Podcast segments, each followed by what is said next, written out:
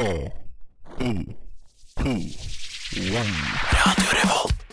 jeg er Erna Solberg. Mitt navn er Vegard Harm. Morgen, morgen, alle sammen. Jeg heter Matte Oma. Hei, jeg heter Amanda Delara. Hei, jeg er Silja Sol. Det er ingen andre enn Admiral P. Vi er Lemetere. Og vi er nesten helg. Det er fredag, klokken er fire. Det er fredag, det er nesten helg. Nå er det faktisk nesten helg. Endelig! Vi tar deg med ut av den kjedelige uka og inn i den deilige helga. Nesten helg. Hei og velkommen tilbake til nesten helg. Nå er vi tilbake til en ny sesong. Første sending. Eh, mitt navn er Alvar, og med meg i studio så har jeg Agnes. og Sondre. Sondre er det nyeste tilskudd til vår lille familie. Så han skal være med i de neste årene og gire deg opp til helgen. Eh, vi har en veldig spennende sending eh, planlagt. Vi skal selvfølgelig bli ganske mye bedre kjent med Sondre. Vi vet ingenting om han. Eh, Vi trakk lodd. Og vi skal også ha intervjuer med Rosendal Teater og Shabnam, som setter opp en soloforestilling i forbindelse med Transform-festivalen. Og ellers så skal vi prate litt løst og kjapt om forskjellige ting og saker og ting. Det er så deilig å være tilbake. Ja, det er veldig deilig. Hei, dette er Kamara, og jeg er på nesten helg, bitch. Det er lenge siden vi har vært på lufta, så det er mye å snakke om hva vi har gjort siden sist. Men vi kan kanskje korte det litt ned. Har du gjort noe spennende den siste uken, Agnes? Jeg føler jeg har gjort det absolutt alle andre har gjort, som er enten å ha korona eller ha den andre tingen som er prikk lik korona, men som ikke er korona. Så det føler jeg liksom har opptatt egentlig alt etter Du har fått den derre uh, fake T-skjorteversjonen av merkeklær. Som fake merkeklær. Det er noe utrolig irriterende ved det også, for det måte, du vet jo hvor mange fordeler du får av å ha hatt korona, på en måte. Ja. Du får jo på en måte trippel beskyttelse, føler jeg. Og du må fremdeles være i liksom karantene fordi at du er smitts... Altså, du kan ikke gå rundt i rommet heller, så det er på en måte kjipt. Ja, det føles ut som å ha en bootleg-versjon av et eller annet. Ja, ja. Så jeg jeg er da i den andre bolken, fordi jeg har faktisk hatt korona. Oh, lucky Eh, you. ja, ja, look at me! Nei, jeg hadde Men jeg kjørte jo den da jeg tok, og, tok andre dose av vaksinen og fikk eh, korona samtidig. Så jeg ble jo veldig syk. Det var, liksom, det var mye korona i den kroppen her. Men nå er jeg, jo- føler jeg jo delta-versjonen kan jo bare prøve seg på det immunforsvaret mitt. Dere er så jævlig opp og nikker. Det er sinnssykt uheldig også at du Ja. tok den. Hva med deg, Sondre? Har du gjort noe spennende den siste uken? Nei, egentlig ikke. Det har ikke vært så mye. Det har liksom vært å komme inn i gruppa, da. Ja, du har møtt oss. Møtt dere. Det er det mest spennende som har skjedd. Ja, fordi hva er liksom førsteinntrykket? Det er vi veldig spente på. Nei, det er jo mye fart, da. ja. Det blir jo mye Ja. Det er en gjeng, liksom. Det er jo eh, godt humør, god stemning. Ja, så bra. Det er det der, der, viktigste. der jeg skal være også. Hvis du vil, øhm, hvis du vil liksom putte oss inn som familiemedlemmer i en familie vi, Jeg ser jo på oss som en familie, da. Ja. Hvem er hvem i familien? Og gjerne, Du kan bruke det utvidet familie. Liksom. Ja. Hvem er den crazy tanten øh, og alt mulig? Kan vi gå på sånn firmenning også? Ja. Øhm, jeg setter grensen på tremenning. Tre, okay. Du er, Alvor, du er sånn kul fetter. Wow. Agnes er kul kusine. Yes, hallo, det var jo to Og Astrid er en ganske rå tante, egentlig. Ja, Er hun ikke det? Jo, jo. Jeg føler vi er litt sånn Vi er fettere, på hver, fettere og kusiner på hver vår side av familien. Har litt romanse. Er det innafor? Er det mange nok ledd ut? Det er sånn Hver konfirmasjon så må vi passe på at de kan ikke være på samme bord. Nei, Ja, nei, men det er vanskelig å stoppe oss, det. Men øh, ja, har du gjort noe annet denne uken, Agnes? Eller bare, Vi kan ta siden semesterstart. da Jeg føler liksom Vi har jo startet et nytt skoleår. Eh, altså Vi hadde sånn fadderuke volum to, som jeg må si faktisk var veldig gøy. Altså med, for nå er jeg jo på femte året på studiet, Ja. så det begynner å bli litt lite som Altså det begynner å bli litt lenge siden fadderuken. Og det må jeg si var skikkelig bra for meg Mm. å få eh, Du savnet fadderuken. Jeg savnet fadderuken. Eller jeg savnet litt det der eh, eh, Det som jeg trodde ikke jeg savnet, og som Ja. jeg ikke nå savner lenger. Som er på en måte helt klart for noe. En sånn overdose av sånne drikkeleker. Ja. Som er sånn hele tiden. Og det fikk jeg påfyll på nå, og det trenger jeg ikke igjen på nye fem år. Da er jeg ferdig med den. Sikkert enda lenger enn fem år nå. Ja, det tror jeg. Kanskje det var nok for en livstid. Jeg vet ikke. Ja. Men ja. Enn du, da? Ehm, nei, altså det blir jo liksom sånn Jeg føler jeg har gjort veldig lite. Fordi først så kom jeg opp til Trondheim, så fikk jeg influensa. Og så fikk jeg korona, liksom fra dag til dag. Eh, så jeg har jo ikke Det er sånn Jeg, jeg hadde første, skole, første dag på skolen i forgårs, og jeg har ikke gjort noe skole i det hele tatt. Jeg har ligget og vært syk. Så nå, nå har jeg fått ny plass på sånn mastersal, jeg også på siste året. Så jeg har fått eh, plass på mastersal, og vi sitter Jeg tror vi er sånn syv, kanskje, på den, det kontoret her. Det begynner å bli skikkelig Føler du ikke det er ganske flott? Jo, da følte jeg sånn, nå føler jeg litt sånn Jeg er ansatt her, Ja. nesten. Ja, veldig kult. Agnes går med en sånn der NTNU-kortet sitt i en NTNU-nøkkelbrikke, så hun er veldig stolt. Jeg elsker det å kunne gå rundt med Nå skjønner jeg plutselig på en måte Jeg skjønner hvorfor folk leser det på en måte til skolen når de kan gå rundt med dette nøkkelkortet rundt halsen. For du føler plutselig at det betyr noe. Ja. Så det anbefaler jeg egentlig et lesetips dette semesteret. Men ta det når du kommer hjem, da. Ikke ta det med på radioen og sånne type ting. Nei, absolutt. Men jeg har ikke gjort noen ting, så alle rundt meg Jeg ser jo folk liksom sitter og driver og skriver og leser og eh, programmerer og alt mulig, mens jeg sånn, har sendt én mail til veilederen min og vært sånn Hei, hei, nå er jeg back in business. Skulle vi kanskje tatt eh, En øl, et møte? Nei. jeg Men er eh, jeg håper kanskje at det skjer noe mer i ukene som kommer videre, da. Hallo, hallo. Nå har vi fått storfint besøk i studio. Vi har fått besøk fra Rosendal Teater. Hei, Hei, hei. det er Mia. Det er Mia fra Rosendal Teater, ja. Mm. Hva er det du jobber med der? Jeg er eh, kommunikasjonsansvarlig, så jeg sitter i eh, markedsavdelingen og skriver tekster. Sørger for at eh, folk vet hva det er de skal gå på når de besøker oss. Og ja, jobber med SoMe og egentlig alt mulig rart, da. Det er helt perfekt, for det er akkurat det vi lurer på, nemlig. For grunnen til at vi ville ha dere inn nå helt ved semesterstart, er jo for å vite hva er det som skjer på Rosendal Teater nå til høsten? Vet du, Vi har et eh, kjempeprogram. Vi starta allerede i midten av august med noe vi har kalt Fest for byen, som er et månedslangt program. Eh, I det programmet så er det både Dansit-forestillinger, for vi samarbeider ganske mye med Dansit, som er et koreografisk senter, eh, og våre egne forestillinger. Så vi har hatt fullt kjør siden midten av august. Forrige uke var masse forestillinger. Denne uken har det vært verksteder og forestillinger, og det skal være en utstilling på søndag.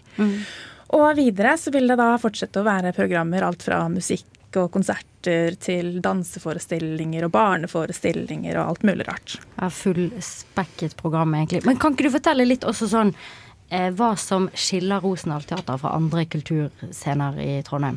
Jo, det er faktisk veldig spennende, fordi eh, Rosendal Teater er ett av tre programmerende scenehus i Oi. Norge. Hva betyr programmering? Det betyr at vi lager ingenting selv. Vi Nei. bare får folk som har laga kule ting, til oss. Ah. Og det er både fra utlandet og fra innlandet. Så jeg kan bare plukke, plukke og Det er sånn godteripose med kun favorittene. Kjempe. Fordi du, Ja. har et, eh, du har et kjempestort spekter på hva scenekunst er. Og så har du et lite spekter som er program, altså de som lager ting sjøl. Mm. Eh, sånn som institusjonsteatret som Trøndelag Teater eller Det Norske og Det Nye. Ja. Og så har du Bitt Teatergarasjen, Teatergarasjen, Blackbox, oss og innimellom også Dansens Hus, som Mm. da bare går i det frie feltet og finner kunstnere og kompanier vi syns er kjempespennende å jobbe med. Og hvor, hvordan finner dere disse? Eller er det noe spesielt? Er det en, et hemmelig sosialt eh, nettverk som vi ikke har tilgang til, kanskje? Det kan virke litt sånn fra utenforståendes eh, synspunkter, og jeg trodde det sjøl også før jeg begynte å jobbe med scenekunst. Mm. Men eh, det er egentlig det at vi har eh, ansatte, som eh, dramaturgen og teatersjefen, som reiser mye rundt eh, i utlandet og i, liksom, innad i eh, Norge, og ser forestillinger. Og så har de også eh, mailboksen sin fulle av kompanier og artister da, som gjerne er sånn Å, vi har lyst til å samarbeide om noe kult. Vi har denne ideen. Hva tenker du om det? Kan vi ha en dialog? Mm. Og sånn sett så kan man da starte et uh, samarbeid flere år før man viser forestillingen. Ja, fordi vi har jo altså vi har intervjuet mange som har opptredd på Rosendal Teater, og det er jo et utrolig spenn i hva Ja. de har fortalt oss. Det er veldig kult. ja. Og det er det vi lurte oss litt på, for når du går inn på nettsiden til Rosendal Teater, så ser du jo at det er jo ikke bare liksom Det er konserter, det er alt mulig forskjellig. Det er filmvisning. Ja. Kan ikke du fortelle litt om kanskje om konsertene, da? Dere skal ha Ja, vi eh, prøver også ikke å ha det man vanligvis tenker for konserter, at man har den opphøyde scenen, og at folk står i klynger og liksom digger musikken. Vi prøver også å sette konsertformatet i litt annet eh, hva skal man kalle det, en, en annen setting. Så eh, neste, kom, neste helg igjen så har vi en eh, slags opera, der det er en stryketrio på scenen. Eh, alt synges på broken English, altså veldig gebrokket. Eh, og det er jo teksten er henta fra Den guddommelige komedie av Dante. Ja. Eh, og det er liksom en ny form for konserter for den stryketrioen og liksom, sangerne som er med. Eh, I tillegg så har vi jo hatt en filmkonsert, som er en del av det musikk- og konsertprogrammet. Og så har vi um, Var det det med ni grader nord? Ja, det det var med Ugress og Ni grader nord og hele den gjengen. Og da spilte de til en film Nei. Ja, da hadde vi en stumfilm på lerret bak dem, og så spilte de live på Så de hadde scene. ikke sett filmen før? Jo da, de Ja, har ja. sett det, de har jo også øvd inn musikken. Ja, nei, nå begynte jeg virkelig å lure på hvor, uh, hvor kompetente de var. Det er veldig gode musikere, men uh, de har sett filmen og de har liksom øvd inn musikken. Men det, Ja. det, det har gjort at jeg kan ikke dra på vanlig kino igjen, for nå må jeg ha et liveband. Ja, ja, Ja, ja. for akkurat sånn som i gamle dager. Var ikke det sånn som det ble gjort på stumfilm? Så var det vel live Uh... Da var det en sånn pianist som gjerne satt og spilte. Eh, bare at her hadde vi hele, et helt orkester med masse trommer og bass og gitarer og Ja. Synter og alt mulig rart. Men deres får utrolig mange, eh, kanskje ganske nyskapende eh, kulturopplevelser som dere viser frem. Har du vært på noe på Rosendal Teater hvor det har vært sånn Oi, dette visste ikke jeg engang at det var mulig. At eh, enten om det er liksom en helt ny form å tenke på, eller ja. Ja, både og. Det har jo, vi har jo hatt en forestilling av uh, Sprea Fico, da, som Mm. kommer med Bad Dante til neste helg, som er den operaforestillingen. Eh, han var her eh, i 2019 eh, med forestillingen eh, Footnote Number 12, Mm. som rett og slett handler om at de, de bare snakker. De gjør ikke så mye annet enn å stå og sitte og snakke. Nei. og helt fritt? Han, Ja, altså det, det, han, De tar utgangspunkt i et eh, dikt. Eh, og bare måter kommunikasjon gjøres på. Så fikk alle ut, utlevert en liksom, liten bok der teksten sto, og så sto det litt om eh, forfatteren. Og så var det en times forestilling. Ja, en live podkast Ja, på en måte. Og det var jo mye sånn greie sånn interaksjoner med publikum. Publikum får lov til å være med, og Mm. ja, disse workshopsene og alle disse tingene. Sånn som Yes. nå i helgen var det jo den. Ja, nå Denne uka her har vi jo hatt verkstedet Femsin med en sinemaker fra London som heter Mia Maxwell. Hva er sinemaker, bare sånn? Eh, en sine det er på en måte en slags pamflett, altså en litt mindre versjon av katalogen vår. Som, eh, som ikke er eh, trykt på et profesjonelt trykkeri. altså Det er trykka ved, av Ja, hvordan skal man sammenligne det med noe man eh, kan, da? Um, Et uavhengig trykkeri, ja, på en altså, måte. altså ja. litt sånn indie-greie, bare i trykkformat. Ja. Spennende fins! Ja, jeg vet om én sine, og det er dritkult. Det, ja. Men uh, dere har masse spennende på programmet. Er det noe sånn spesielt du vil trekke frem som sånn du personlig gleder deg til å se faktisk på scenen? Ja, jeg gleder meg kjempemye til både Bad Dante, men også en forestilling som heter eh, Hybris Choreographing Whiteness av Jonas Øren. Mhm. Han har gitt ut en EP på Spotify nå med fire rapper som han har laga sjøl. Ja. Hele forestillingen handler om hvordan han som eh, en homofil mann har appropriert mye av kroppsspråket til eh, svarte amerikanske kvinner. Ja. Eh, og hvordan det da har vært med på å forme hans uttrykk. ja. Og det er det så mye fokus på nå, blant spesielt hvite eh, homofile, hvor det er sånn faktisk sånn Ja, dere tar all, all slengen dere bruker. Er, som nå ses på som sånn hvit homsekultur, stammer jo fra svarte, i hovedsakelig transseksuelle Og det har han jobba med i eh, hvert fall et år, om ikke Ja. lenger. Eh, Det starta jo mens han fortsatt var eh, student og liksom fullførte utdanningen sin. Dødsspennende. Nå ble jeg gira. Ja, det er kjempekult. Eh, anbefaler alle å gå inn på Spotify og søke opp Hybris. Da får du opp alle fire låtene og høre Ja. litt på dem før man kommer på forestilling. Og så må vi også si kjapt tips at dere har jo litt eh, snille studentpriser også, har dere ikke det? Det har vi. Vi eh, har studentrabatt, og da kjøper man bare moderasjonsbillett. Og hvis man er ekstra heldig og aldri har besøkt oss før, så kan man rekke å få kjøpt en eh, førstegangsbesøkende billett. Vi har et begrensa antall av det per Ja. forestilling.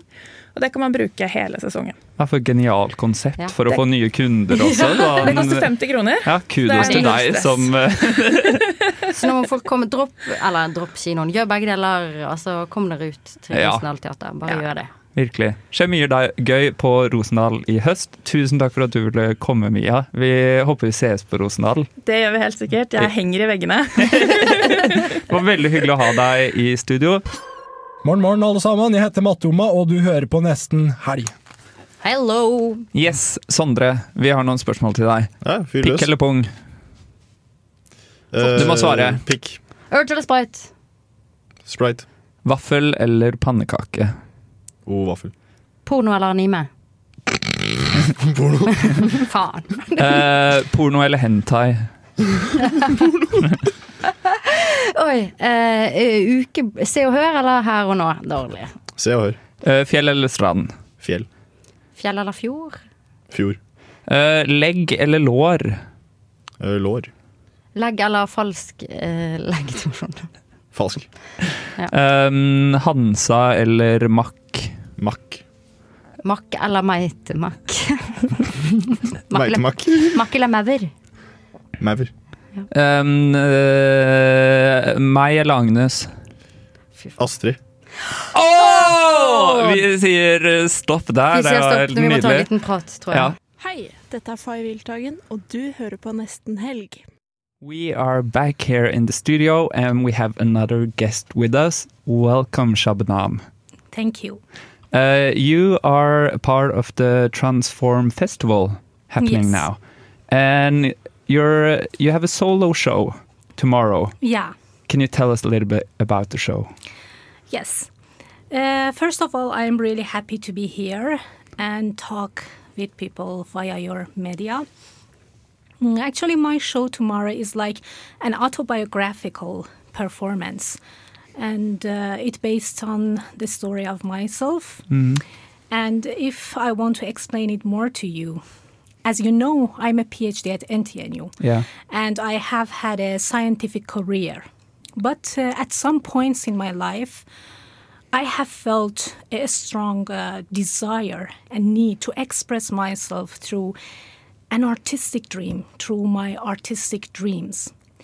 And so I started to acquire some artistic expression tools because when you want to when when you want to, to express yourself through artistic um, dreams or through art you need some knowledge training experience. These are the things that i mentioned as artistic artistic expression tools. So on one hand trying to get the artistic expression tools and on the other hand stepping into the scientific professional reasoning environment in my life and uh, in this show i'm going to show the challenges between these parts of my life when i'm trying to follow my dreams um, yeah Yeah. So it's kind This of, is the story. uh, I mean, I can relate to that personal duality because I'm an engineer student myself Mm-hmm. and I also do musical theater and I'm here talking. So I feel like I'm very technical, but I also need something. Something on the more artistic side, Mm-hmm. you need some input. And I think, in my opinion, in my humble opinion about us two, that you can also you can achieve more in your technical field or academic field if you also have a completely other thing to focus on as well. I think that a balance can give you something. Yeah. yes of course of course that it's possible but it needs focus Yeah. it needs energy and it needs time Yeah. and uh, yeah but i can say yeah it's Yeah. possible uh, where you say that you need energy to do it, where where do you go to find that energy you need to uh, get these artistic tools? Actually, the dreams, the artistic dreams that I had in my mind Mm. from maybe my juvenile is very uh, strong all the time. And these uh, strong and powerful artistic dreams itself gives me energy Yeah. to follow it. Yeah. Yeah. Uh, this is your first solo show, right? Yes, Yeah. uh, yes, it's, that's true. This is my first uh, solo performance experience, but I have had other like experience of performing as a singer and Mm. uh, some small uh, theater experience. But yes, this is my first one. Uh, what challenges have you met, perhaps within yourself, uh, when everything kind of you are the solo, you are the main part of everything? Yeah. Have you met any challenges? Mm-hmm. Yeah, yeah. I met many challenges until now. And at the same time, these challenges are at some points very delightful to me.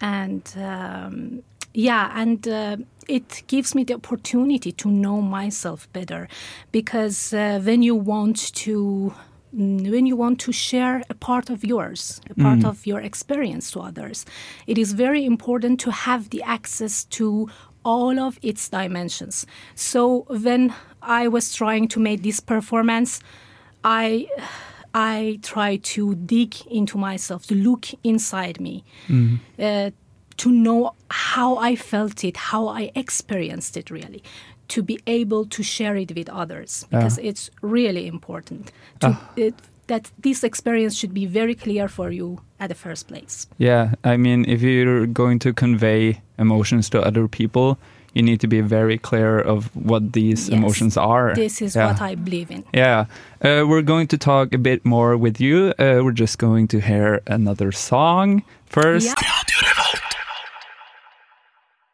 Okay, we are back here in the studio and we still have Shabnam with us. Yeah. Um, your show Encounter, we have to say that. uh, it uh, it's tomorrow at uh, Trykkeriet Scene. Yeah. Have uh, have you spent a lot of time there the last uh, week? Uh, actually, I have just several. I had just several rehearsal at Trykkeriet, but uh, the rehearsal place is somewhere else Mm. because there are some limitations about using the Trykkeriet scene because there are many concerts and events now is going on there, so all the people need to rehearse Mm, there. yeah, yeah, of course. So I didn't have the chance to uh, rehearse there for many times, maybe just uh, three, four times. Yeah. And I have another rehearsal tomorrow, hopefully. Yeah, uh, I'm sure it will be very good. Yeah. Um, can you give us some um, sneak peek on elements the show will contain? Are there any materials? Is it only you? Only you, your person on stage, or Yes, it's only me, and uh, also the scenography of this part Mm, will talk a lot yeah, because it's also a big part of the show. And the interaction that I have with the installation and the objects on the scene is a big part of this performance.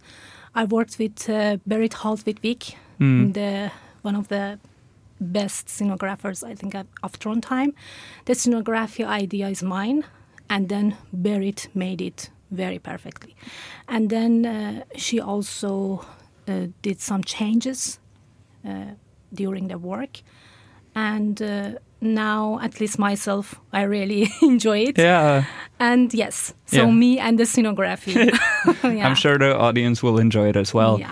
Do you have um, do you have an idea or a hope of what the audience will be left with uh, when the curtain falls? Mm, actually, it's a very nice question because for me, uh, the interaction between my performance and the audience is of high importance. Mm. Um, I challenge the audience from the beginning uh, with some cards which are distributed among them. Mm. There are some questions on these cards, and they will answer the questions, and then their field card will be collected at the end of the performance. So, in this way, I challenge their mind about this concept because the questions are quite related to the concept of the performance. Yeah. And when the curtain falls, um, I really hope the audience to think more deeply about their decisions in their lives, free from what society expected them. Mm. And if they have or had any small dreams, just give it a chance. They, they, I, I, think, I hope they just give it a small chance, even Yeah. as a hobby. So you hope to inspire.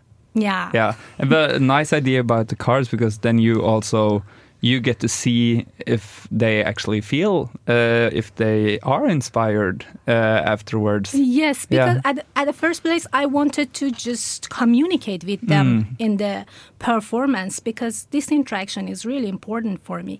But after that, I know that most of the people are shy Yeah, to yeah. interact in such a places. So I try to challenge them via these cards. Yeah. Just write on these cards and uh, give it back to me Yeah, because uh, this uh, performance has also a research part. I interviewed many people, yeah, and then you can hear their voices at the end of the performance when they answer the same questions on the cards. yeah.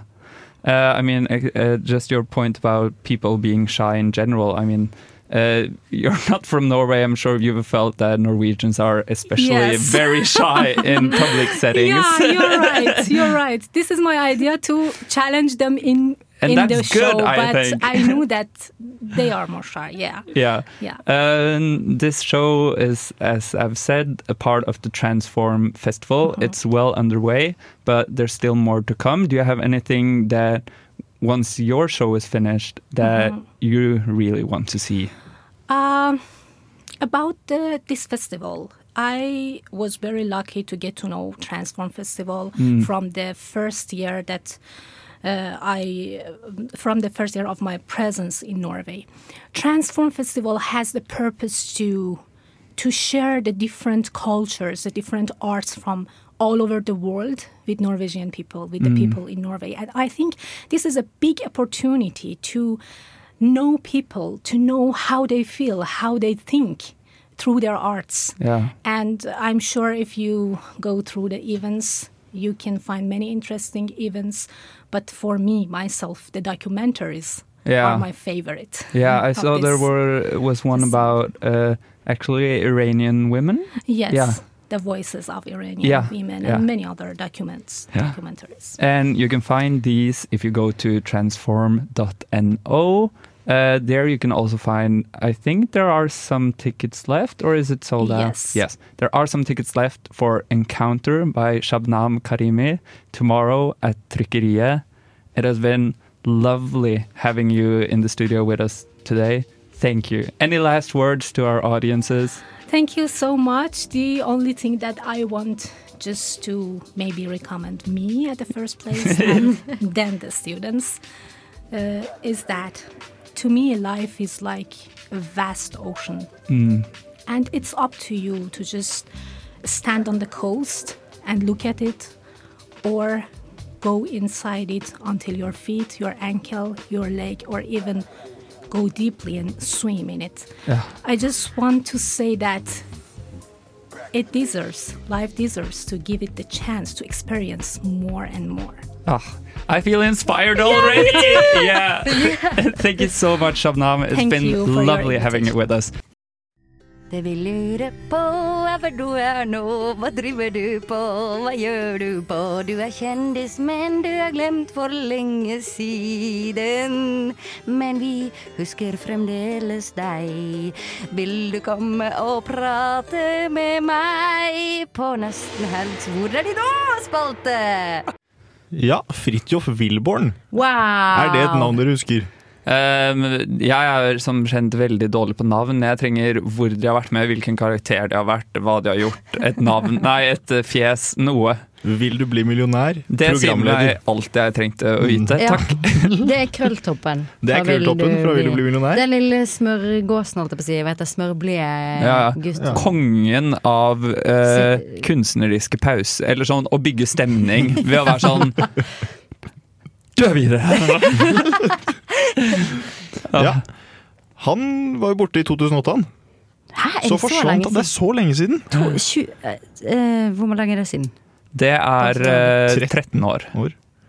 Lenge. Men uh... Jeg liker Agnes. Jeg må bare kommentere at Agnes sitter og tar kommentar, nei, notater til alt vi sier, så nå skrev nettopp Agnes bare 13 år på en papirlapp. Jeg begynte å bli litt mer profesjonell på Ja, men 13 år, er det siden, er det siden Vil du bli millionær kanskje gikk av lufta, det? nei, for de hadde vel hun Sara Natasha Melby etterpå. Ja, selvfølgelig. Men, Hun er litt også sånn dronningen av quiz, hun som hadde kvitt eller dobbelt. Oi, Er det ikke oi, oi. Nei, det er Nadia Ja, Hasnauer. fader, det er det jo. Ja. Du er så god på navn, Sondre. Ja. Ok, Men, fortell. Hvor ja. er han? Ok, Så han dro jo fra TV 2 eh, etter en stor personalkonflikt i Nei. 2008. Jo, han hadde ingen tillit, ifølge noe redaktøren der eller noe sånt. Oi. Eh, Han hadde ingen tillit. Nei, og da vanligvis, fordi vanligvis når folk går av skjermen, så havner de jo bak og driver med programideer, kanskje, noe sånt noe. Mm. Eh, men eh, nei da, han har blitt lærer. Oi! Innen hva? Et veldig lite tillitsvekkende yrke, Ja. det skulle man jo ikke tro. Men Men det er tidenes popquizer i det klasserommet, da, sikkert. Så kommer han og bygger stemninga når Ja, hun har svart på et spørsmål, og så låser du det svaret på Han er jævlig irriterende å få tilbakemeld karaktertilbakemelding fra, da, fordi det er sånn Du ligger på en toer. Men jeg lurer på, hva slags lærer kan han være? Han er kontaktlærer og spesped-lærer på Bjørnegård ungdomsskole i Bærum. Så han underviser alt, da? Nei, det gjør man kanskje ikke på ungdomsskolen. Tror ikke man gjør det på ungdomsskolen. Kanskje jeg tipper samfunnsfag, da. Må jeg nesten Ja, tro. noe sånt noe. Ja. Mm. Men det jeg lurer litt på, er sånn Jeg er sikker på at ungdomsskoleelever Eller jeg vet i hvert fall at vi søkte opp våre lærere på ungdomsskolen, så de vet jo sikkert, har sikkert funnet ut hvem han er. Men jeg lurer på, siden ja, Nå føler jeg meg veldig gammel, men jeg lurer på om de kjenner han igjen første skoledag. Eller om han da bare er en lærer, og så plutselig en dag så er det sånn Wow, gutta! Jeg har funnet ut av en helt syk greie. Ja, for de som begynner på ungdomsskolen nå, Ja. de er jo født i 2008, de. ja. De aner ikke hvem han er, de de. har null peiling, så kommer foreldrene sånn Veit dere hvem denne karen er? så, Har du hørt om Vil du bli millionær? ja. Men det jeg lurer på, er, er vet du noe du som den der eh, personal... Eller det tillitsgreiene, eller? Uh, nei, han, skulle, han skyldte masse penger. Ah. han har virkelig vært på kjøret fritt og Filborn, altså. Ja. Han Skyldte penger til uh, NRK? Ja, Nei, TV, TV 2, var det vel? Ja. han, det var noe, skyldte noe penger der og Han drev til å swipe det mastercard på reise. Ja. Jobbreiser. Det er derfor ingen blir 145 000 kroner i reiseregning. Å, oh, fytti fy- greisiken! 145 var det Ja, du det syns jeg vil lese det. Nå er det et nytt uh, nummer som noteres på Agnes Men sitt ark. ja, da tenkte jeg bare, men han har sikkert liksom Hver gang folk kan liksom sikkert tuklet med svarene ville bli millionær for at folk ikke skal gå over en viss grense, så har han tatt på en måte den summen i mellomtiden. Ja, ja. For det er jo aldri Eller jeg har aldri sett noen bli millionær. Tror Eh, jeg tror det har skjedd. Jeg husker ikke at det, det var en veldig skandale på den amerikanske versjonen, hvor en ble millionær, og så kom det ut etterpå at han hadde en hjelper i salen som drev og hostet. Som hostet liksom én gang for en A, to ganger for en B, og masse sånn. Og så gikk han hele veien og ble millionær, og så i ettertid så kom det sånn Wow. De er, jo- de har klart å lure Men jeg oss. føler du fortjener det hvis du har klart å Ja, litt, på en måte ja. lure din vei. Ja, for det tenkte jeg også at Hvis du har gjort så mye innsats, da, da fortjener du det nesten. altså. Ja, for jeg føler det burde være liksom en egen divisjon inn under domstolen som er kun ser på liksom kule lovbrudd. Som er sånn Vet du hva, det der var jævlig nyskapende! Det der var sykt innovativt. Det burde være en innovasjonspris. Ja, altså det er tingretten, lagmannsretten, høyesterett, og så er det eh, kulretten, på en måte, hvor du blir henvist. Du kan anke til den hvis du Ja, det, måte føler deg det er liksom sånn jokerretten, da. Eller? Jokerretten, ja, det er gøy. Da er det en livstid eller sluppet ut, på en måte. Eller at de sier sånn som du første gangen du ikke har billett på bussen, så er det sånn uh, Ja, det, det går nå, men ikke gjør det igjen. Men uh, ja, nei, tusen takk for uh, litt uh, info om hvor Jeg er så dårlig på navn. Fridtjof? Nei. Det stemmer. Fridtjof Wilborn. Fridtjof Wilborn. Det er jo et navn man Ja. har eh, hørt før. Det er et flott navn, altså. Og jeg er veldig glad jeg vet hva han driver med nå. Hei, jeg heter Amanda Delara, og du hører på Nesten helg. Du hører på Nesten Helg, og vi har ikke fått en ny gjest i studio, men vi har fått tilbake vårt eh, siste medlem av eh, familien vår. Astrid, eh, velkommen eh, tilbake til nesten helg. Tusen, tusen takk. Er mikken min på? Ja, kanskje. Den er det. Den er det. Så herlig. Eh, og Ja. du kom jo litt sent. Jeg har vært på eh, en reise. Ja, ta oss gjennom den reisen. En klassereise har jeg vært på. Oi, oi, oi. Mhm. Jeg fikk i bursdagspresang å dra på eh, Britannia på afternoon tea. Åh, det er drømmen. Ja, så det er litt dag- som The Ritz i Norge. Ja, ja, ja. Mm. Kødder du, eller? Jeg snakket kun om The Ritz når jeg var der. Jeg var sånn, Nå skal jeg ha foredrag om The Ritz. Hvis du ikke har sett Liv og luksus på The Ritz på, um, på Statskanalen vår, Statskanalen, Kringkasteren, så bør du gjøre det eh, for å eh, på en måte forstå litt hva jeg har vært igjennom i dag. da. Mhm. Eh, og jeg har pynta meg. Har dere lyst til å si Ikke, bare med, ikke bare med klær. Nei. Nei, Altså, Hva er det som er en kvinnes beste venn? Ser jeg rik ut, eller? Altså, det glitrer, for å si Ja. sånn. Og det er ikke glitter fordi det går med glitter som vi vanligvis gjør, på en måte, bild, som er den lavere klassen. Det er ikke paljetter, nei. Det er Arbeiderklassens diamanter og Paljetter. Nei, det er ekte diamanter. Det er Vet Hva heter det? Ice. Ja, I'm iced, all iced up, liksom. Ice on Nei, my wrist. Jeg er, jo, ja, jeg er jo heldig, da, fordi at eh, min svigermor som var med på dette opplegget, hun eh, er gullsmed. Og hun har jo Så fett altså, yrke. Det må jeg bare si. Hvis det er Mm. noe jeg har mer respekt for, så er det Ja. gullsmed og sølvsmed. Ja. Og skomakere og felemakere. For det er sykt spesifikt. Ja, men Føler du ikke også at, det- at gullsmed er den perfekte blanding av sånn rikdom, men òg arbeiderklasse? Jo, jo. Jo, jo, jo. Skjønner du? Ja. Du er håndverker, men du jobber med de rike. Ja. Eller de jobber for, da, kanskje. For de rike. Og gjør ikke alle i arbeiderklassen det, kanskje? Jo, det er sant. Men de jobber direkte for de rike. Linja er kort, da. Ja, er kort. Men så jeg har jo eh, eh, fått altså, diamantring. Diamantarmbånd, det syns jeg er kanskje det flotteste. Altså, det ser Og- ut som Diana. Vi må legge Ja. bilde av det på Instagram Ja, tuller du eller? Og da når det, fordi dette hadde jo Endre, min kjæreste, hadde fiksa det. Hadde sendt melding til moren sin. Ta med diamantene, så Astrid kan ha det på!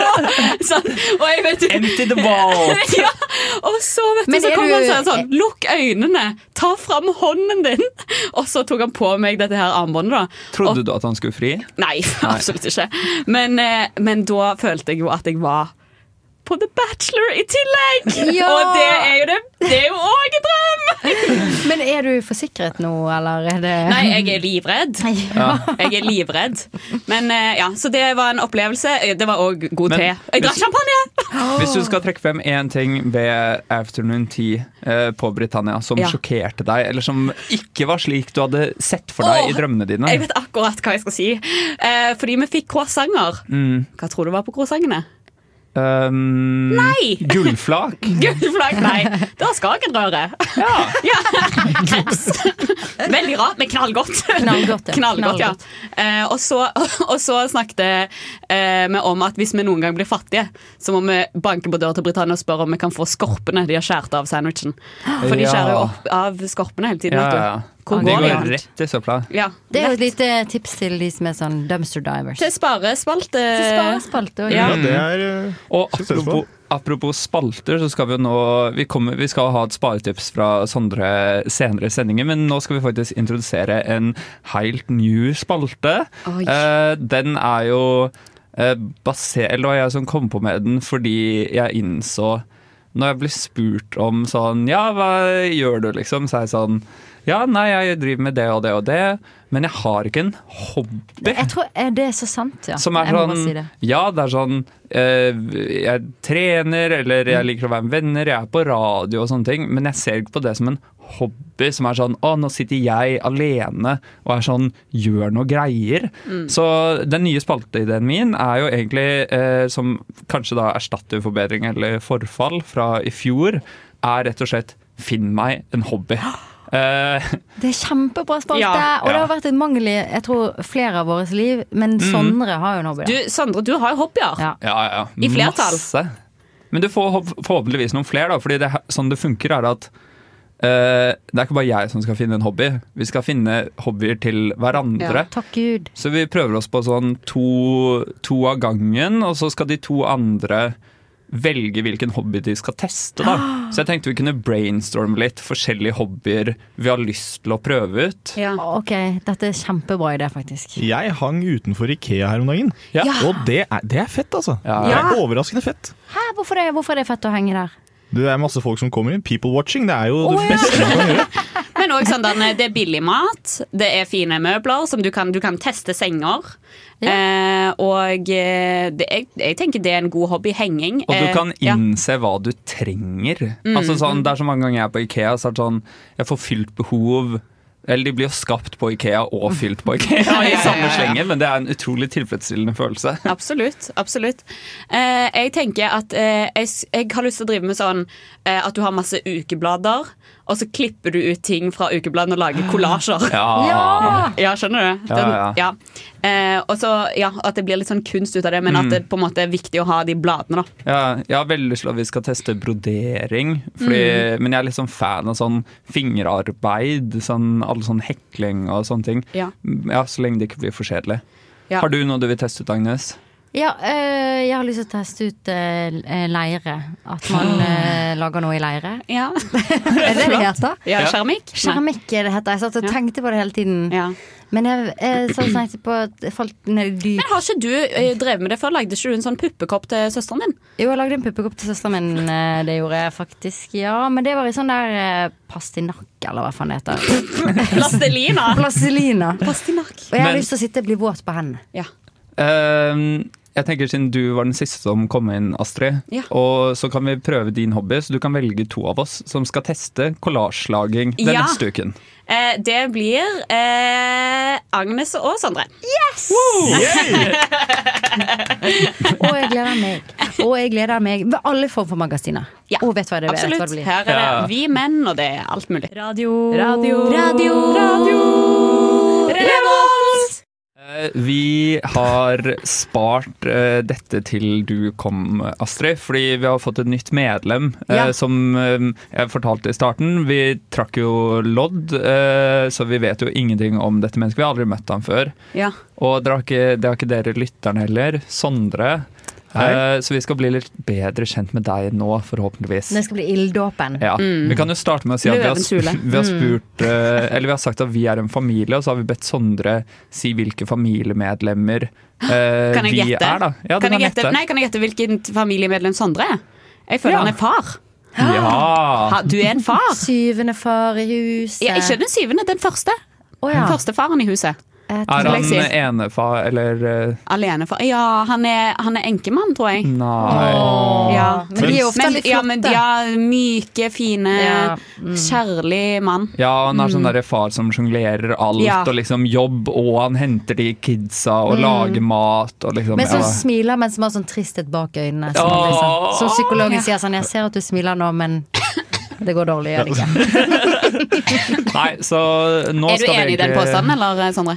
Det høres ganske riktig ut, ja. Ja, Pappavitsen er der i hvert fall. ja de er det. Ja, sant. Eh, hvis du skulle valgt eh, eh, på en måte noen emojier som skulle beskrevet eh, din personlighet Du kan få velge to eller tre. Oh, Den er Men eh, ikke fire. Ikke Eller én. Ikke én heller. latter-emoji. Ja, den som griner og ler. Ja. Ja. Ja, Ja. Har jo åpenbart ikke tatt opp en Gen Z, da. Men Eh, er det den Her er vanlige millennial i Gen Z-kropp. Det her er boomer i Ja. Gen Z-kropp. Ja, Men er det den vanlige latteremojien, eller er det den som er tilta? Kanskje den som er tilta, er litt Oh er den, er den hippere, eller er den eldre? Er mitt spørsmål men for når du spør om det, Jo, når du spør om det, Den er hippere fordi den brukes av Gen Zs for å disse boomere. Ja.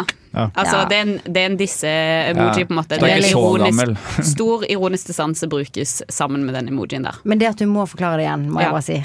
Det er litt, eh, da er det på en måte Men uh, hva er boomer nummer to? Nummer to er hjertet. Hvilket av hjertene? Oh. Uh, det, bl det røde. Ja. Det vanlige. Helt den stabile, helt røde Ja, det er noe, er si- noe boomer-vibes over hele det- greia her, altså. Den meldingen jeg fikk av mamma i går, ja. var quote de to emojisene. Men eh, altså, jeg tenker sånn, for å legge det på Sondre sitt nivå, da skulle du ikke spurt om eh, Skulle ikke spurt om emoji, skulle spurt om hvilken hieroglyf er du. Hvilken hieroglyf er du? jeg, jeg, er den som ser, jeg har sett den der som ser ut som en ugle.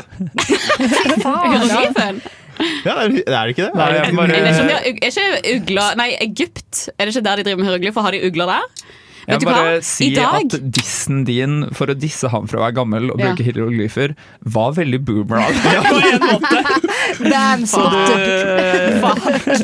men jeg lurer på en ting. Eh, hvis du hadde vunnet eh, ja, ikke, ikke liksom blitt lottomillionær, fordi det er litt for søkt, men la oss si at du hadde vunnet uh, 50 000 da, Ja, på griseflaks. griseflaks. Det Nei, er er kanskje maks 10 50 000 på vanlig flakslodd. Uh, hva hadde du brukt det på? Det her blir, dette blir kjedelig, men ja, kan, altså, altså Framtidssondre ville satt pris på å investere det. Nei. Jo, men, å, driver du med investering? Nei. Nei. Uh, jeg har en aksjesparekonto. Nei, Er det? Aldri. Og Men du har penger inn på aksjesparekontoen? Ja, det er jeg. Han er jo fra Asker. I love this. Men, Bærum! men, men hva, er- eh, hva har du investert i? Hva er aksjen i? Jeg, har, jeg føler at jeg skal begynne å spandere, nei, spandere i aksjer. Ja. There you go! Det er sånn, det er sånn indeksfond. Det er. Det er kjedeligste. Ja, det er det det er kjedeligste du kan ha. Ja. Men det er litt sånn Black Rock Technology og sånn, da. Indeksfond er sånn du bare setter det inn, og så bare vet du at du får sånn en viss avkastning. Det er ganske Black chill. Rock, det ligner på Black Box teater. Mm. Det vil jeg ikke investere pengene mine i. Det tror jeg ikke er liksom Det er ikke, ikke nå for tiden, iallfall. Nå går det litt på tverken. Men ja. eh, ok, så du framtidssondre hadde investert, men det er jo ikke framtidssondre vi spør, vi spør jo nåtidssondre. Ja. Du får 50 000 Og du får en uke å bruke de på, på en måte. Ja, oi! På bunnpris. Ja, bunnpris her ute, Ja. så vinner ja, du du- 50 000. Hva Ja. gjør du da? Da får du kjøpt to bananer og en Pepsi Max, og så er de pengene borte. Det er jo kjempedyrt. Hvis jeg hadde fått dem på. Kiwi, da. Ja, hvis jeg hadde fått dem på Kiwi! Nei, men jeg tenker at du altså. kjøper Du finner ut at du vinner på bunnpris etter sending nå. Hva, ta oss liksom gjennom hendelsesforløpet. Ringer du uh, foreldrene dine og sier 'jeg vant 50 000', eller tenker du sånn 'det her skal jeg kose meg med', de trenger ikke å vite det? Nei, for hvis jeg, hvis jeg ringer pappa og sier sånn Nei, pappa, jeg vant 50 000, så da må du investere det, gutt! Du må ikke bruke de pengene der! Og, og det, det, kan, det er sånn han snakker. Og det, det kan jeg ikke, da, det orker jeg ikke å høre på. Nei. Så det blir kanskje Det blir boller, da. Du kjøper Det blir boller. Ja. Hvetebollen til Rema 1000. Ja. Vær så god. Godt tips. Det er dagens mattips. Ja. Du kan kanskje påkoste deg Espa-boller, da. For å være litt fancy på det. Er ikke det sånn der, men han liker jo godt de understekte bollene. Var ikke det sånn, da? Jo, stemmer, stemmer. Stemmer ikke det, Sondre? Stemmer ikke det? De eh, bollene, dette er snevert, eh, bollene på Kiwi eh, Aker-kvartalet på Fornebu, Ja. når de er understekte, beste bollen i hele verden. Å, fy faen Det er Det er hot tips. til alle er lytterne i Fornebu. Hot tips er å dra på altså Hvis du drar på kanelbolle onsdag, Fordi da er det så jævlig trøkk, så de bare steker bollen helt vilt lite. Så det er basically en deig med sånn Ja. en crust. Ja, jeg, vet du hva? jeg blir faktisk litt kvalm av å tenke på de bollene. Eh, to be honest. Jeg er Jonis Josef, og du hører på Nesten Helg. Skal, vi skal bli litt, eh, enda litt bedre kjent med Sondre. Ja, fordi du er 98, er du ikke det? 9-9. 99! De to tingene Alvar har sagt om meg nå, er helt feil. Ja. Men det er jo det som er poenget, da. Jeg kjenner deg ikke, og nå forhåpentligvis skal jeg kjenne deg mer. Men det er litt samme greiene om du er 9-9 fra Bærum eller 98 fra Asker, eller vil du si at det er to helt eh, forskjellige ting?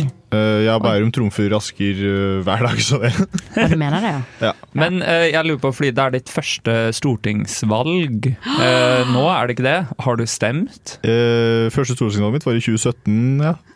Her kunne du stemme i 2017. Hvor gammel er 99? Sorry, jeg tenker at 99 er eh, var- kids, Å, liksom. fy faen. Beklager. Ja. Ja. Har du, har, eh, Var det har gøy du, å stemme for andre gang?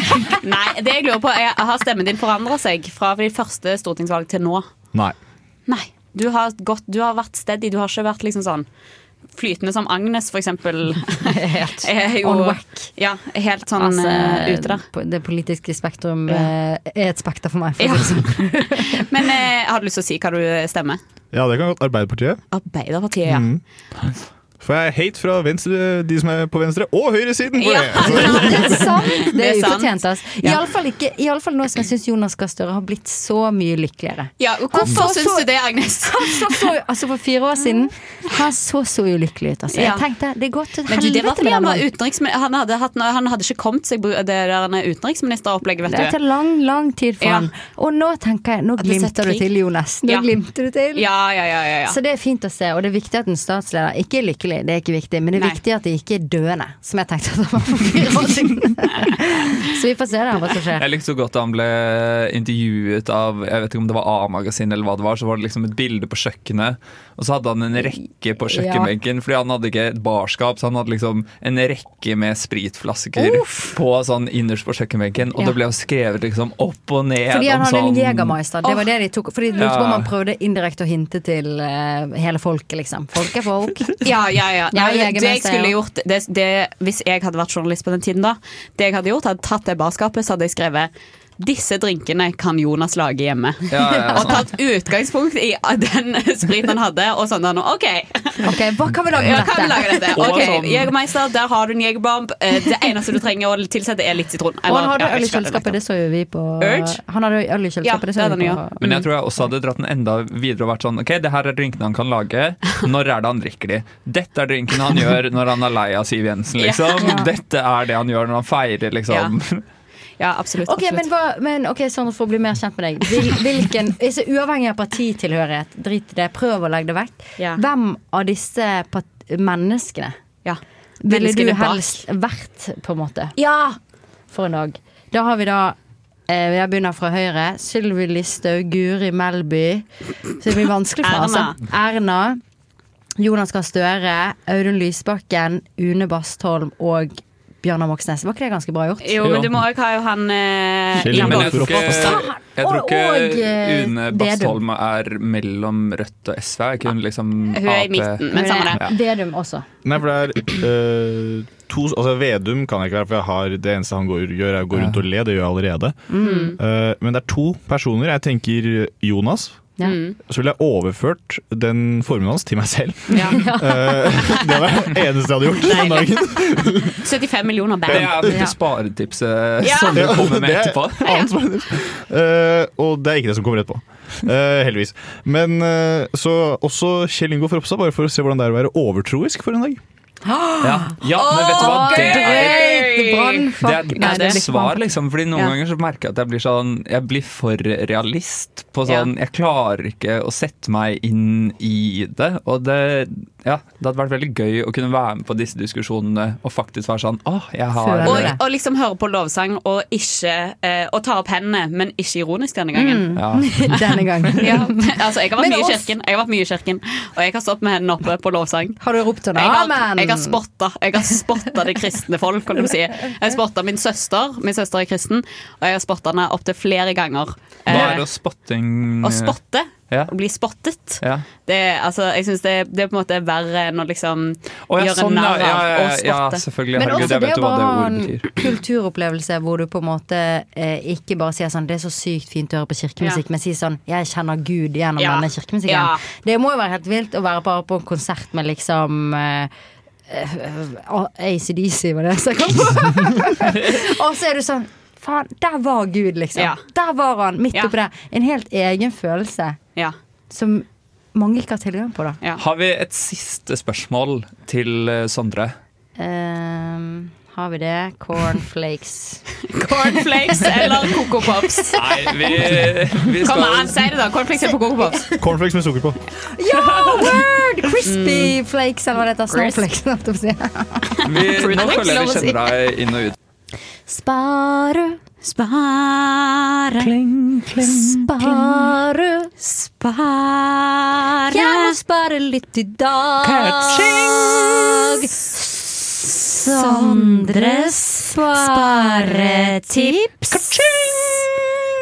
Ja, og jeg vil eh, ta dere med i dag til Kiwi.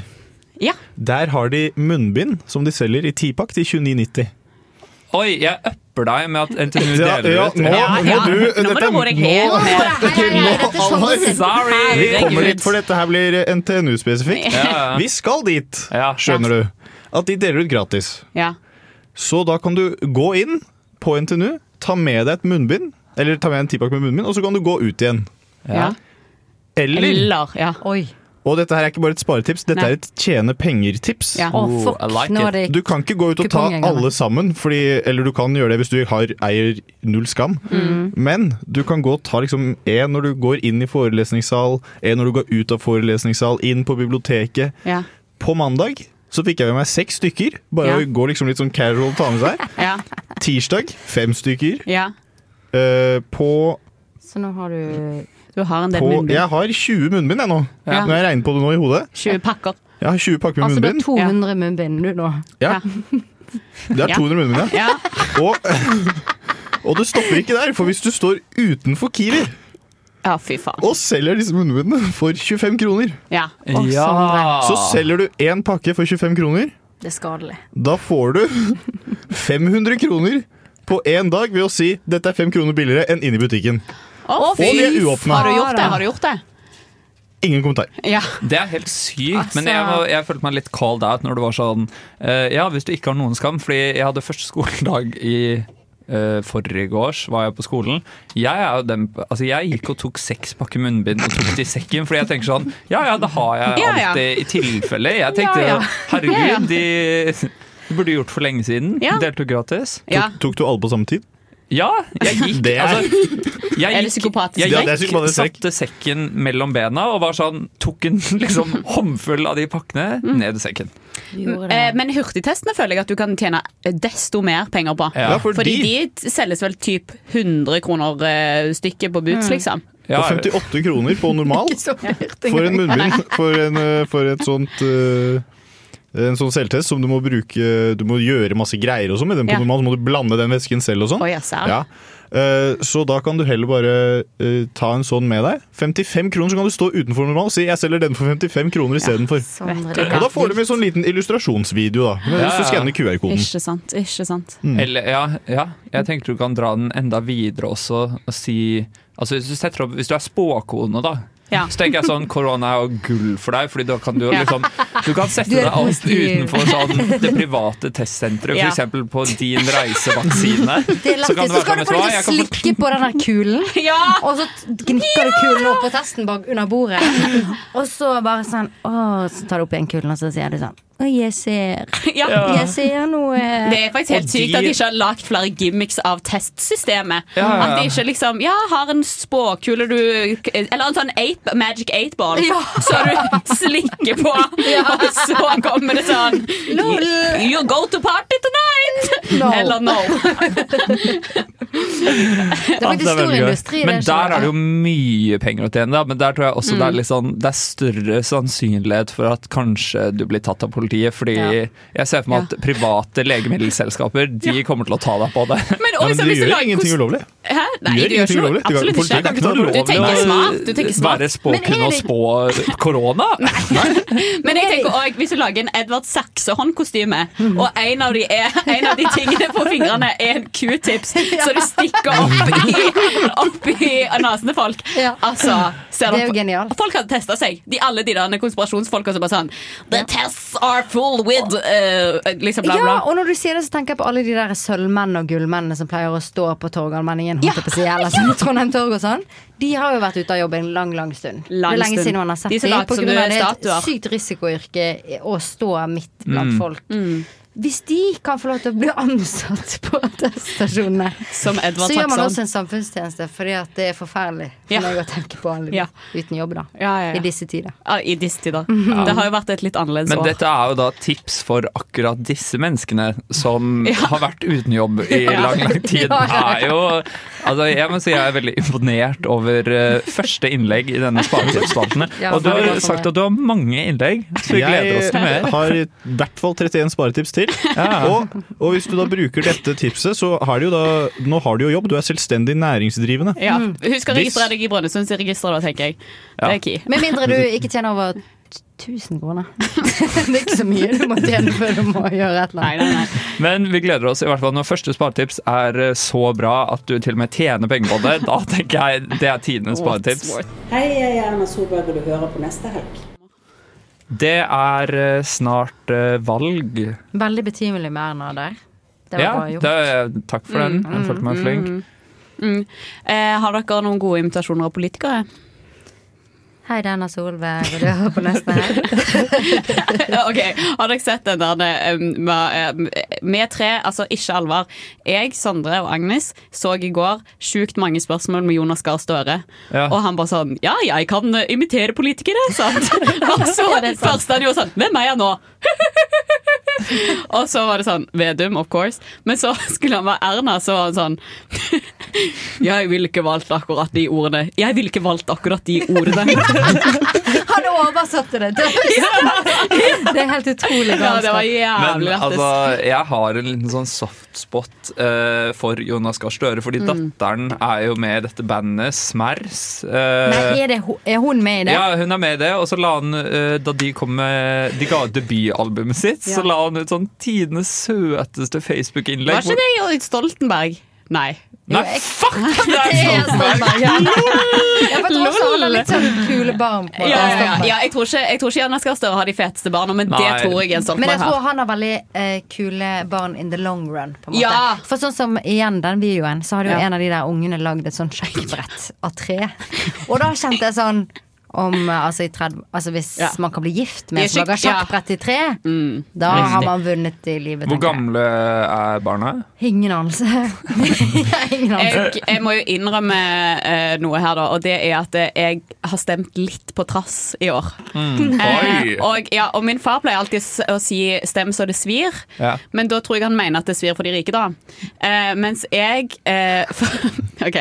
Det som er, da, det er at Da jeg har stemte så du gjør godt. ja, jeg stem, jeg var sånn, Skal jeg stemme SV eller skal jeg stemme Rødt? Mm. Eh, bla, bla, bla. Det er akkurat der jeg også har vært. Ja, ikke sant? Og så eh, sier kjæresten min sånn eh, hva faen, Astrid, du må jo stemme Rødt. Skjønner du? Det er så jævla dumt å ikke stemme Rødt fordi de får så mange representanter på Stortinget.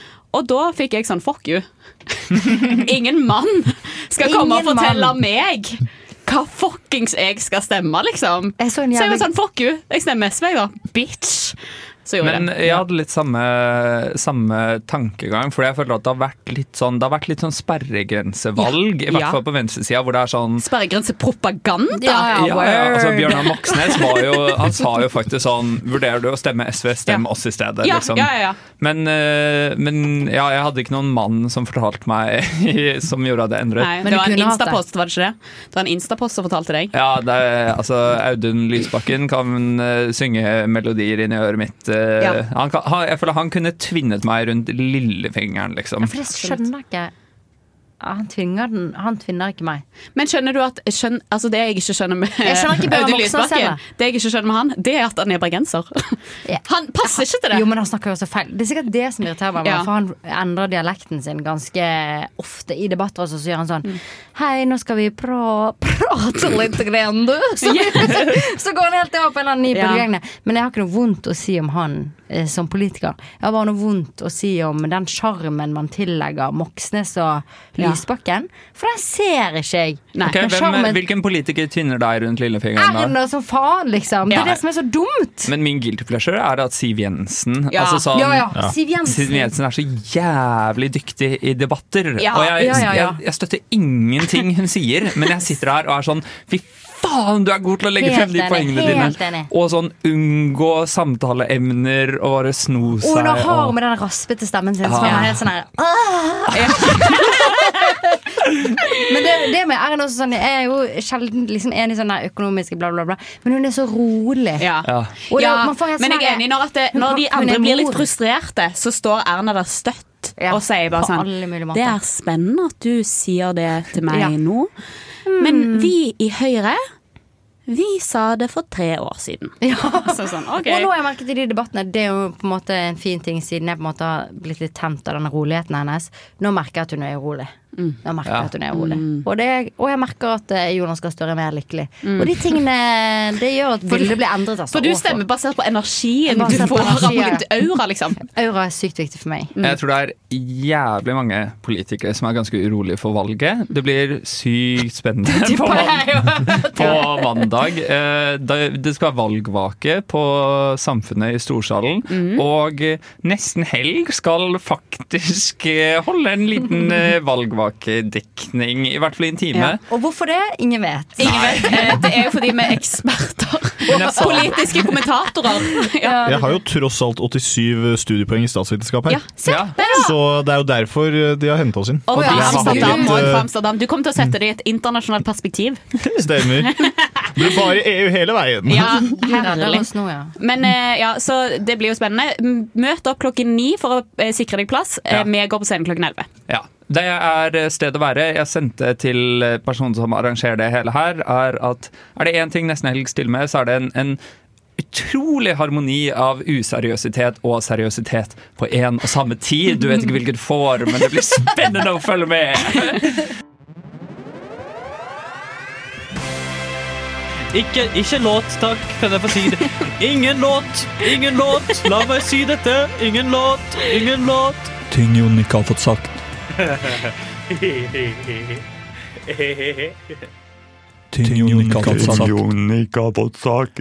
Åh, er det én stemme som jeg savner å ha i mine ører, så er det Jon sin stemme. Jon, for, uh, nye, for nye lyttere så var Jon med i Nesten Helg i fjor. Men hvor er du nå, Jon? Du er med oss på telefon. Hei, Verdal. Wow! Hva gjør du der? Jeg går på skole. Si Jeg hvilken går på skole. skole. Si hvilken skole, da. Eh, Te teater. Teater. Jon, du har vært med i radioen i et år. Du kan svare i fulle setninger. Jeg går eh, på Teaterhøgskolen på Nord universitet her. På Nord universitet. Hvordan har, hvordan har fadderuken vært? Uh, nei, vi har ikke hatt noen fadderuke, vi. Vi Nei, sant, det. Dere måtte lage det selv? ja, men vi har, måttet, vi har eh, måttet bare ha de egne fester og sånn. Ja, for jeg har hørt rykter om ja, jeg har hørt rykter om at dere har festet ganske hardt. Ja, det har vært, eh, det har vært litt hardt, gått litt hardt for seg første par vekkene, men eh, det er bare i helgen. da. Ellers så har vi bare vært på skolen. Eh, Jeg har også hørt rykter om at du ble roastet. ja, men det, kan det er hemmelig Jeg å snakke om. Nei, ok. Oh, ja, det Men plutselig eh, det sånn? vi skal snakke om Vi har pleid å ha en fast spalte hver sending fordi du har så mye du vil si. Så pleide vi å ha i Ja. fjor en, sending, nei, en spalte hvor du sa alt du ikke fikk sagt i løpet av en sending. Og du Og verden, det er mye nå. nå har du jo ikke fått snakket noe i det hele tatt, så vi er bare veldig spente. Så bare take the floor. Jeg bare sitter og prater med meg sjøl.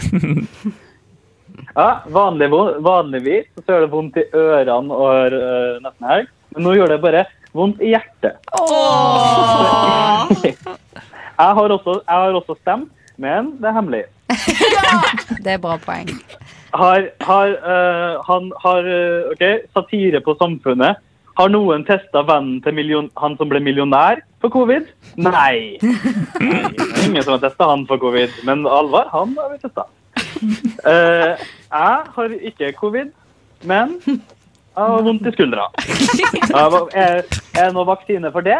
Nei, det er det ikke. Det er satire, for det, vondt i skuldra har man hatt lenge før covid kom. Uh, hvem er hvem i Nesten Helg-familien? Jeg fikk ingen. Sondre, jeg fikk ingen. Hvem er hvem i Nesten Helg-familien? Du tror du har tatt over, men jeg er jo her fortsatt. Er du han fjerne grandonkelen? Ja, riktig. Riktig svar. Sondre, det er hyggelig å høre deg, men jeg, jeg ser deg ikke. Jeg ser deg ikke. Og så tenkte jeg også å si, og så jeg å si sånn, for dere sa, dere sa jo mye morsomt og sånn, så tenkte jeg å si sånn ha-ha-ha, ha-ha, tenkte jeg å si. Sånn høyt. Latter. Å ja, så Ah, hyggelig. Det er godt å høre stemmen din, Jon. Og det er kanskje ekstra spesielt at du er med på telefonen i dag, fordi du har faktisk bursdag! Oh. Happy birthday to Jon. Happy birthday to Jon. Happy birthday to Jon. Happy birthday you. Grazie mille. Har du hatt en eh, fin dag? Å, du har verden, jeg har hatt det så fint her. De har varta opp og har fine folk rundt meg. Men jeg savner jo dere, da. Ja, vi savner deg òg. Vi savner deg masse, Jon. Og det kommer en gave, men som i kjent nesten helgtid, så kommer den som alle andre gaver veldig på ettertid. Men Ja, vi savner deg jo såpass mye at uh, kanskje vi skal gi gaven til Astrid nå, mens du er her. Ja! Astrid hadde bursdag i sommer, må. Astrid hadde bursdag i august. Som, Eh, jeg- som, jeg, som jeg gratulerte for noen dager siden. Ja, fy faen. Fuck deg. Men, uh, men han har vært med i lengre tid enn det da, på eh, gave. Eh, Vi skal Ja. rett og slett eh, gi deg en helg i Verdalen. Nei! På, på besøk i Jon. Er det sant? Skal dere være med? Ja. Nei, er det sant? Ja. Så gøy! Når da? Det, det er Så jeg får bussbillett. Ja. Ja, du, du får, nei, du får Det vi har blitt enige om, er at uh, vi kan bo i, på loftet hos Jon. Så du får, du får bussbillett, og så får du en uh, finere middag og drikkevarer. Uh, og, et, og et kunstnerisk innslag fra alle i løpet av kvelden. Å, så herlig. Mm. Å, jeg gleder meg. Det blir, tusen takk. Ja. Det var fint. En opplevelse blir det. Det blir helt fantastisk. Eh, Jon, vi gleder oss til å se deg og høre mer fra deg videre. Håper du koser deg med Har du noen planer for de siste eh, seks timene av bursdagen din? Ja, jeg skal spille sånn, eh, sånn murder mystery-lek. Sånn secret uh, Hitler. murder Skal du spille mafia-greier. Cluedo? Nei. Skal spille spill? Hører ikke, jeg hører ingenting. Nei. Bare Dårlig radio! Æsj. Ja ja. Ja, ja. Nei, vi er glad i deg, Det var Jon. hyggelig. Det var veldig hyggelig å høre deg, spesielt på din spesielle dag. Farvel! ha det bra. Da. Ha det. Hei, det er Thomas Seltzer her. Du hører på Nesten Helg på Radio Revolt. Nå er det nesten helg, men før vi tar helt helg, så må vi jo sjekke inn med vår, eh, vårt nyeste medlem, Sondre. Hvordan føler du dette har gått? Eh, overraskende bra. Ja? enig. Enig. Overraskende bra. Ja. Uh, du, har, du, har drevet og målt, du har drømt om målt pulsen din gjennom hele denne sekvensen. Er det Vil du oppdatere noe nå? Hva er Eh, pulsen din? Oi, nå er vi på 72, faktisk. Ja, nå er det litt puls. Ja, nå er det litt puls, for vi har ligget på 65. eh, Vært på det jevne der Ja. tidligere i sendingen. Nei, vi har uh, hatt en nydelig sending. Uh, vi har hatt uh, intervjuer med Shabnam Karimi fra Transform Festival. Hun spiller på Trykkeriet Scene i morgen med Encounter. Det hørtes Jeg ble i hvert fall i hvert fall av den outroen hennes, jeg ble så inspirert. Ja, Så hvis dere har mulighet, det er fremdeles billetter. Gå på transform.no. Så har vi også fått høre litt om eh, eh, høstprogrammet til Rosendal Teater, hvor det var ganske mye som frista. Eller jeg føler jeg mer ble bare sånn gira på Rosendal Teater som en institusjon. Jeg føler også sånn Når du er student, så føler jeg det er også en perfekt institusjon, fordi at de, de tar så mye nytt, og fra Ja. forskjellige folk. Ja, ja. Det er virkelig sånn en måte du å får, oppdage mye nytt du får føle på pulsen til kulturbransjene. Det siste vi må si, er at uh, har du ikke noe å gjøre på mandag kveld, og du har lyst til å se, få med deg valget og få med deg oss, så må du komme i storsalen på um, Samfunnet. Nå skal vi høre Eller vi avslutter med Sassy09 sin nye låt 'Here Comes the Weekend'. Ja, Og da er det faktisk bare én ting å si. Bare én ting. God helg!